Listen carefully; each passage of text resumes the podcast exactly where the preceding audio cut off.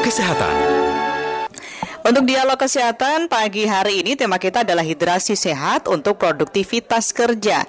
Kami sudah bersama dengan Dr. Dr. Diana Sunardi, M. Gizi SPGKK dari Departemen Ilmu Gizi FKUI. Dr. Diana, selamat pagi. Pagi.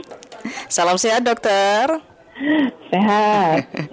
Baik dokter, ini hidrasi sehat untuk produktivitas kerja ini maksudnya ya seperti apa sih dok? Apakah kita artinya harus rutin minum air putih yang cukup atau bagaimana dok?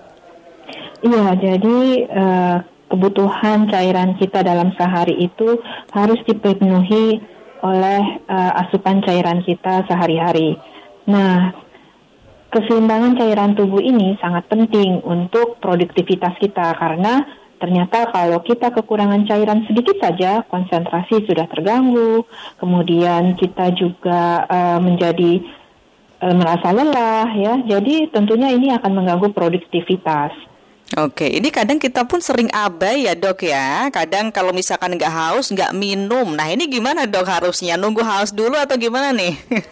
nah betul itu, apalagi yang kalau kerjanya di ruangan ber AC ya. Iya. Rasanya uh, tidak pernah haus mungkin gitu ya. Padahal justru ruangan ber AC itu justru penguapan dari tubuh kita lebih tinggi. Nah tipsnya adalah sebaiknya kita menyediakan air minum di meja kerja kita sehingga kita harus minum secara berkala. Sebisa mungkin setiap jam kita uh, meminum air putih begitu. Setiap jam minum air putih. Itu Betul. takarannya gimana, Dok? Sebenarnya kan kebutuhan kita dalam sehari sekitar 8 gelas per hari ya. ya. Tentu uh, akan bertambah bila cuaca lebih panas atau aktivitas lebih berat. Mungkin tidak perlu menghabiskan langsung uh, satu gelas, jadi hmm. uh, seteguk atau setengah gelas itu cukup begitu setiap jamnya. Oke, nah dokter 8 gelas atau 2 liter per harinya ya dok ya. Betul. Itu untuk orang dewasa. Bagaimana kalau untuk anak-anak, kemudian ibu hamil menyusui, apakah sama ini takarannya juga? Jadi sebenarnya ada sedikit perbedaan. Untuk anak-anak sebenarnya mereka cukup 6 sampai 7 gelas sehari. Namun itu pun masih tergantung dari aktivitas mereka ya. Hmm. Kalau mereka banyak bermain di lapangan, okay. misalnya main bola, itu pasti tentunya kebutuhannya akan meningkat. Begitu juga dengan ibu hamil. Nah, kalau ibu hamil kita ingat tuh ada cairan di dalam uh, kandungannya ya, -hmm. yang untuk uh, bantalannya si janin. nah, itu uh, membutuhkan ekstra cairan untuk ibu hamil tentunya jadinya. Jadi kalau wanita biasa sehari-hari butuh sekitar 7 sampai 8 gelas sehari, maka perlu ditambah satu gelas. Oke, jadi lebih banyak ya berarti ya dok ya kalau untuk ibu hamil dan juga menyusui ya. Kalau ibu menyusui bahkan lebih banyak lagi. Lebih banyak lagi. Oh, berapa? Betul. Karena kan mereka menghasilkan ASI sekitar 600 sampai 700 mili ya per harinya. Mm -hmm. Jadi kurang lebih ibu hamil uh, ibu menyusui itu membutuhkan tambahan kurang lebih 3 gelas air minum dari yang normalnya tadi 8 gelas tadi ya? Ya, untuk wanita kan sebenarnya 7 gelas cukup ya. Hmm. Jadi uh, ibu menyusui membutuhkan sekitar 10 gelas. Oke, okay, baik. Dokter, kita undang pendengar juga ya dok ya pagi hari ini nanti bisa ngobrol-ngobrol bersama dengan dokter terkait dengan hidrasi sehat untuk peningkatan produktivitas kerja. Untuk Anda pendengar bisa bergabung di 021 352 3172 384 4545 386 6712. Nah, dokter, ini ada yang sudah bergabung di WA kita juga di WA Pro 3. Ada Pak Dahlan di Bogor. Untuk minum air putih itu apakah dipengaruhi juga dengan berat badan? Nah, ini gimana, dokter? Ya, sebenarnya tentu berat badan dapat mempengaruhi ya, terutama kalau yang berat badannya lebih dari normal. Kalau berat badannya lebih dari normal itu mempunyai kecenderungan untuk mengalami uh, dehidrasi yang lebih cepat oleh sebab itu atau kekurangan cairan. Nah, tetapi untuk mudahnya tidak usah dipikirkan dulu soal berat badan, mm-hmm. yang penting bisa mendapat 8 gelas air minum okay. atau minum 8 gelas air sehari aja itu sudah bagus sekali. Begitu. Oke, okay, baik. Ada yang bergabung dengan kita di telepon, ada Pak Geri di Yogyakarta. Pak Geri, halo, selamat pagi. Pagi, salam sehat. Salam sehat juga Pak Geri. Silakan Pak Geri. Ya, makasih Bu Dokter nih namanya dikit nih. saya Silakan, memang Pak Geri. konsumsi air itu kadang lebih apa yang ibu dokter sampaikan tadi karena bagi saya air itu penting. Tapi yang menimbulkan pertanyaan bagi saya ini ada tetangga saya Hmm. panas dingin artinya hujan atau dingin tetap minumnya tuh air dingin. Nah, Dampaknya ini ya. seperti apa sih bagi kesehatan tubuh kita? Baik, itu saja Pak Geri. Ini bukan bukan bukan bukan ide buat-buat ini fakta ini tetangga Ya. saya. Terima kasih selamat pagi. Baik, terima kasih. Selamat pagi juga Pak Geri. Jadi gimana ya dokter?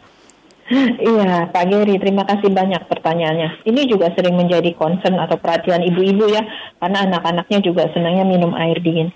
Sebenarnya tidak apa-apa, Pak. Bahkan kalau kita beraktivitas, kemudian kita meminum air yang suhunya sedikit lebih dingin begitu ya, Mm-mm. eh, itu lebih baik, lebih mudah buat tubuh kita menerima. Jadi nggak usah takut karena tubuh kita ini diciptakan oleh Allah sangat pintar.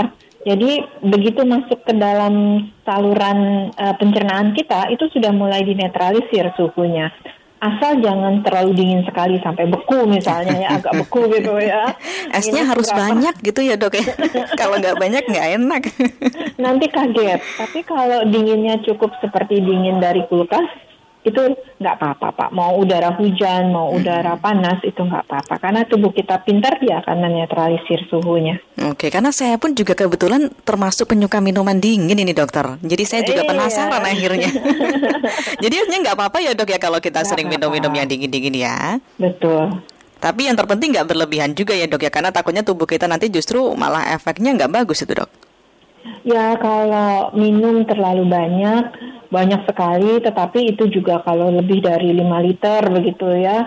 eh, pernah ada suatu challenge eh, atau tantangan untuk minum sebanyak-banyaknya sampai 10 liter itu memang berbahaya karena tubuh bisa kekurangan elektrolit jadinya karena kan buang air kecilnya banyak ya.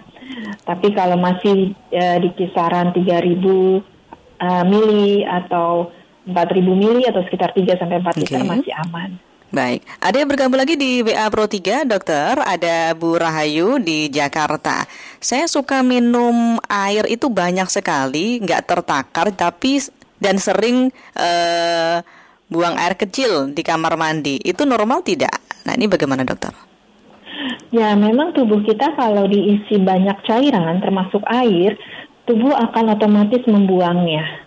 Selama fungsi ginjal kita bagus ya. Ya, Nah, itu normal-normal saja, berarti fungsi ginjalnya baik. Cuma tadi, kalau terlalu berlebihan sekali, seperti yang saya sampaikan, takutnya eh, elektrolit-elektrolit tubuh, yaitu natrium, begitu ya, itu ikut kebuang. Gitu, karena seperti keringat, keringat kan juga membuang elektrolit ya. Iya. Eh, buang air kecil kita itu juga mengandung elektrolit yang ikut dibuang, begitu.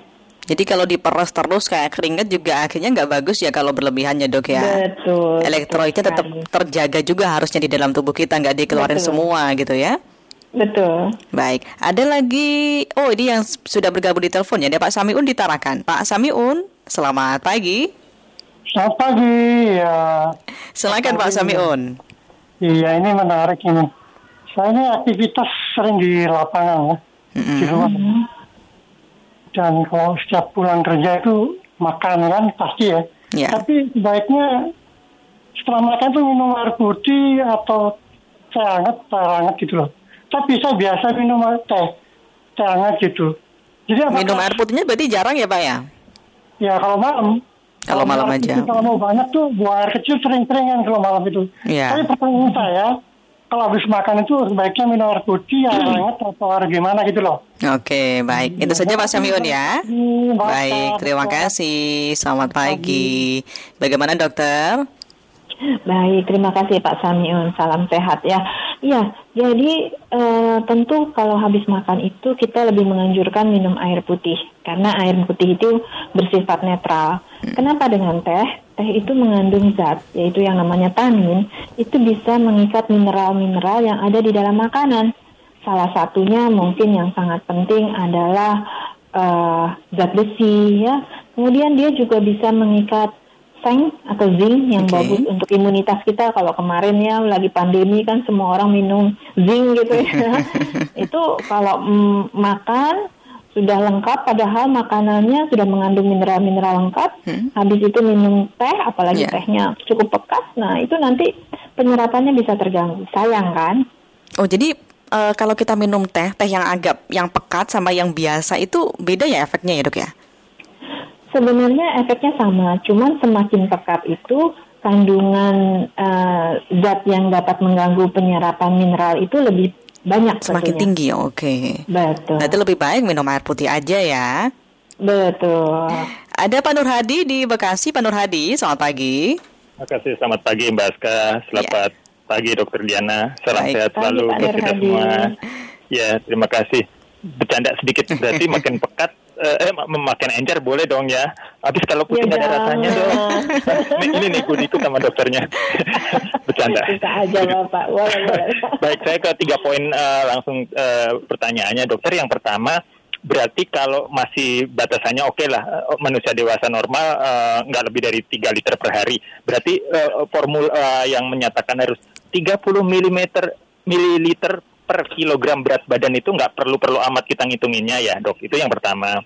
Yang kedua, uh, solusi agar nyaman sudah nyaman dengan minum air putih uh, berasupan uh, sehari semalam uh, 2 liter, tapi biar nggak repot-repot ke sering ke ke toilet itu bagaimana? Ada tipsnya nggak okay, gitu? Selain kita olahraga di luar biar keringetan gitu, jadi ngurang-ngurangin ke, ke kamar kecil. Tapi kalau di kantor kan agak repot ya Mbak.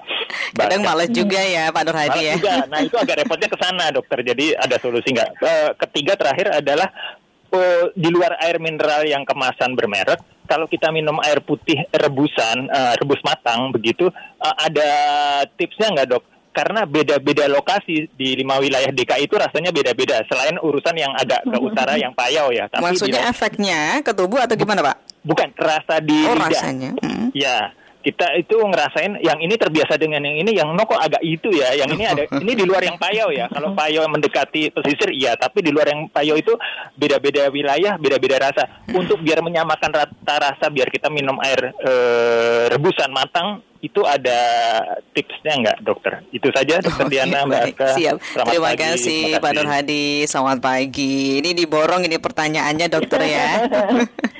baik, ya, tadi terkait dengan minum 30 um, mililiter ya dok ya terkait yeah. dengan minum air putih sebanyak itu kemudian uh, kita minum banyak tapi nggak pengen ke kamar mandi sering-sering itu gimana? Tapi tahan dulu dokter. Kita akan simak dulu satu informasi dari ruang gatekeeper berikut ini. Silakan. Kilas berita Pendengar Lembaga Data Kualitas Udara IQ Air kembali menempatkan kualitas udara Jakarta pada posisi pertama di dunia sebagai kota dengan kualitas udara terburuk pada Jumat pagi. Lembaga Data Kualitas Udara IQ Air melalui laman resmi di Jakarta mencatat kualitas udara di Jakarta hingga pukul 7 lewat 50 menit waktu Indonesia Barat pagi tadi mencapai indeks 160. Informasi terupdate lainnya dapat Anda akses di laman resmi kami rri.co.id. Kilas Berita 3, Jaringan Berita Nasional. Baik, Dokter Diana kita lanjut lagi. Jadi bagaimana dokter? Baik, jadi tadi soal soal tentang 30 mili per hmm. kilogram berat badan itu adalah cara uh, tenaga medis sebenarnya untuk menghitung kebutuhan cairan uh, pada uh, orang-orang yang sakit dengan beda-beda usia, beda-beda uh, berat badan begitu ya.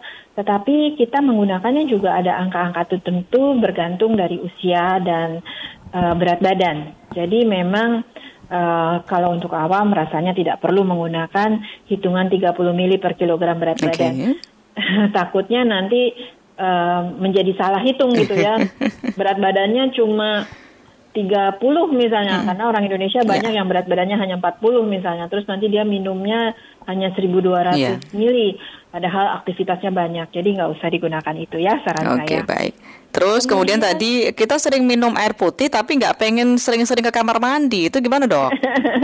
Iya jadi sebenarnya yang membuat kita buang air kecil itu tidak hanya faktor jumlah uh, minuman yang kita konsumsi. Jadi banyak faktor. Misalnya udara dingin ya.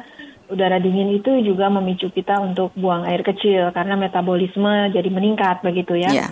Tetapi gimana caranya? Sebenarnya uh, kembali lagi kalau kita meminum sejumlah yang tubuh kita butuhkan dan minuman yang dikonsumsi adalah air putih, bukan teh, bukan kopi begitu ya atau yang mengandung kafein lainnya, harusnya tidak akan sering buang air kecil.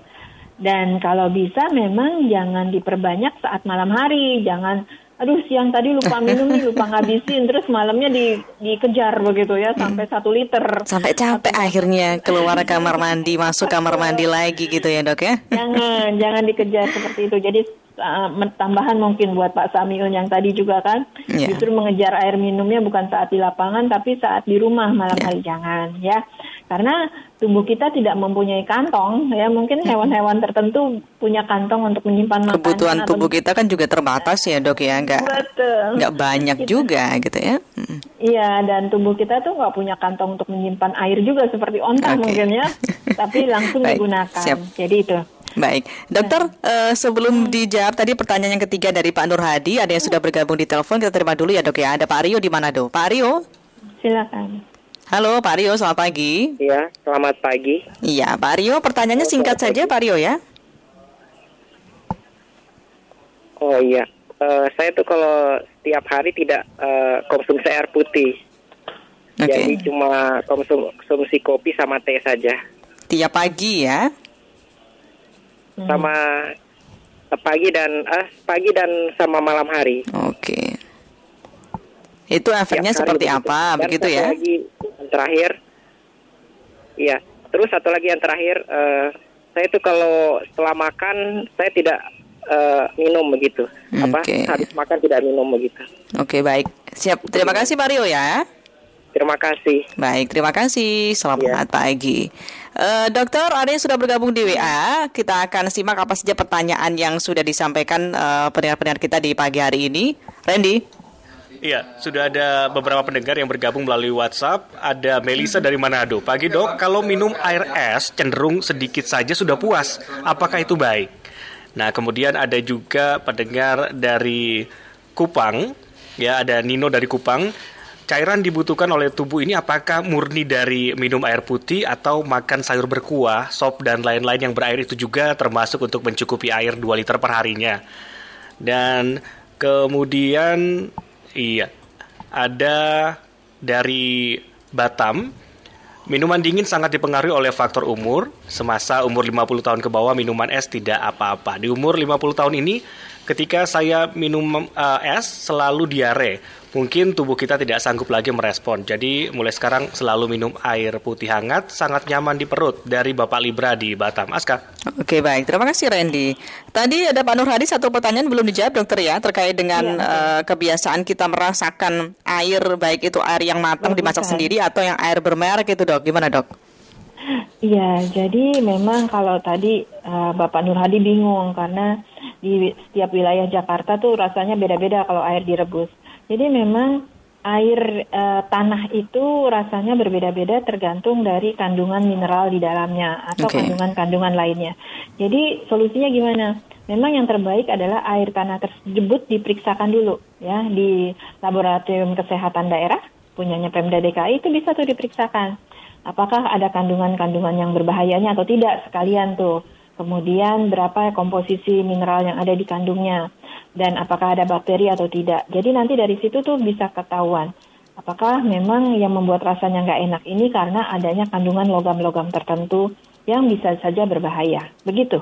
Oke, baik. Kemudian tadi uh, Pak Rio tentang tidak minum air putih tiap pagi dan malam, tapi minumnya kopi. Kemudian habis makan itu biasanya nggak minum. Nah, ini gimana dok? Iya. Jadi kopi dan teh itu memang uh, kalau dikonsumsi misalnya dua cangkir sehari itu bagus ya dan baik untuk kesehatan misalnya untuk pagi hari dan sore hari. Tetapi kalau kemudian dikonsumsi berterus-terusan secara berlebihan efek buruk yang akan terjadi. Pertama memang ada kandungan kafein yang di dalamnya ya. Tentunya ini kalau berlebihan berbahaya. Kedua tadi yang saya bilang zat-zat tertentu yang terkandung terutama di teh ya juga bisa ada di kopi yang kemudian menghambat penyerapan mineral-mineral yang bagus bagi tubuh kita. Nah, yang ketiga, biasanya kalau kopi dan teh itu pasti temennya adalah gula. Oke. Okay. Nah, gula ini yang buruk nih buat tubuh kita. Kalau kebanyakan bisa diabetes ya dok? Betul, kegemukan, diabetes mm -hmm. dan penyakit jantung tentunya bisa. Itu jadi kalau bisa ya cukuplah dua cangkir sehari kopi atau teh pagi atau sore. Begitu. Oke, jadi di, diimbangin lah ya, nggak sering-sering minumnya. Tapi kalau untuk air putih ya mending lebih banyak daripada kopi ataupun juga teh ya dok ya. Betul. Oke, sekali. tadi ada Bu Melisa ya, minum air es tapi sedikit itu efeknya ke tubuh kita gimana dok? Ya, tetap. Walaupun kita minumnya adalah air es atau air hangat, jumlah yang diminum dalam sehari harus sesuai dengan kebutuhan kita yaitu minimal 8 gelas sehari. Jadi nggak boleh jadi alasan karena kalau udah minum air es tuh rasanya udah lega sedikit aja udah cukup. Gak Apalagi habis olahraga gitu pengennya yang adem-adem. betul sekali. Baik, ada juga tadi Pak Nino, cairan itu memang dari air putih saja atau kita bisa uh, mendapatkannya dari misalkan kita sering makan sayur ataupun juga sop yang ada kuah-kuahnya gitu, Dok? Ya, sebenarnya 8 gelas e, rekomendasi untuk 8 gelas air minum sehari itu sudah dengan dikurangi e, cairan yang dari makanan. Mm-hmm. Jadi sebenarnya kebutuhan tubuh kita tuh lebih dari 2 liter sehari. Okay. Kalau melihat angka kecukupan gizi Indonesia tuh ya, kalau iseng-iseng lihat di Google mm-hmm. itu ada, itu bisa uh, lebih dari 2 liter. Nah, tetapi uh, itu termasuk di dalamnya makanan-makanan yang berkuah. Untuk khusus minum saja itu adalah 2 liter sehari. Oke, 2 liter sehari. Baik. Kemudian juga tadi dari pendengar di Batam tidak disebutkan namanya ya. E, beliau ini usianya 50 tahun. Kalau untuk anak-anak yang usia lebih muda katanya minuman dingin nggak apa-apa. Tapi kalau sekarang kayaknya lebih enaknya yang anget-anget aja dok. Ini gimana dok? Kembali lagi kalau memang minuman hangat merasa lebih nyaman boleh-boleh aja nggak masalah nanti akan dinetralkan kok oleh saluran pencernaan kita sehingga tidak akan berbahaya bagi tubuh. Oke baik jadi aman-aman saja ya dok ya. Betul. Yang penting cairannya ini tidak terlalu sedikit tapi juga tidak terlalu berlebihan dokter ya. Betul. Baik, Dokter Diana terakhir ini pesannya kepada pendengar Pro 3 yang pagi ini sedang mendengarkan dialog kesehatan. Silakan dokter. Baik, pesan saya adalah uh, sehat itu adalah investasi dan salah satu yang dapat dilakukan yang paling mudah adalah mencukupi kebutuhan cairan kita dalam sehari. Yang mana ini sering dilupakan baik karena aktivitas, kesibukan maupun juga karena ada yang bilang kalau karyawan yang kami wawancara itu sulit atau ekstra butuh waktu untuk mengambil air minum dari tempat duduk ke pantry misalnya gitu ya. Tapi jangan dan yang kedua tadi ya jangan uh, siang hari kurang minum kemudian malam hari dikejar yang ada nanti istirahatnya jadi kurang karena bolak-balik buang air kecil. Jadi jagalah hidrasi sehat dengan mengkonsumsi air minum secara berkala sepanjang hari. Baik, Dokter Diana terima kasih waktunya sudah berbincang dengan Pro 3 pagi ini ya dokter ya. Semoga pendengar-pendengar kita ini makin teredukasi untuk lebih meningkatkan cairan tubuhnya dengan sering minum air putih tapi sesuai dengan takarannya ya dok ya. Betul. Baik, terima kasih Dokter Diana. Selamat pagi, salam sehat dokter. Sama-sama, salam sehat. Dr. Dr. Diana Sunardi, MGizi, SPGKK dari Departemen Ilmu Gizi FKUI dengan tema kita di pagi hari ini adalah hidrasi sehat untuk produktivitas kerja.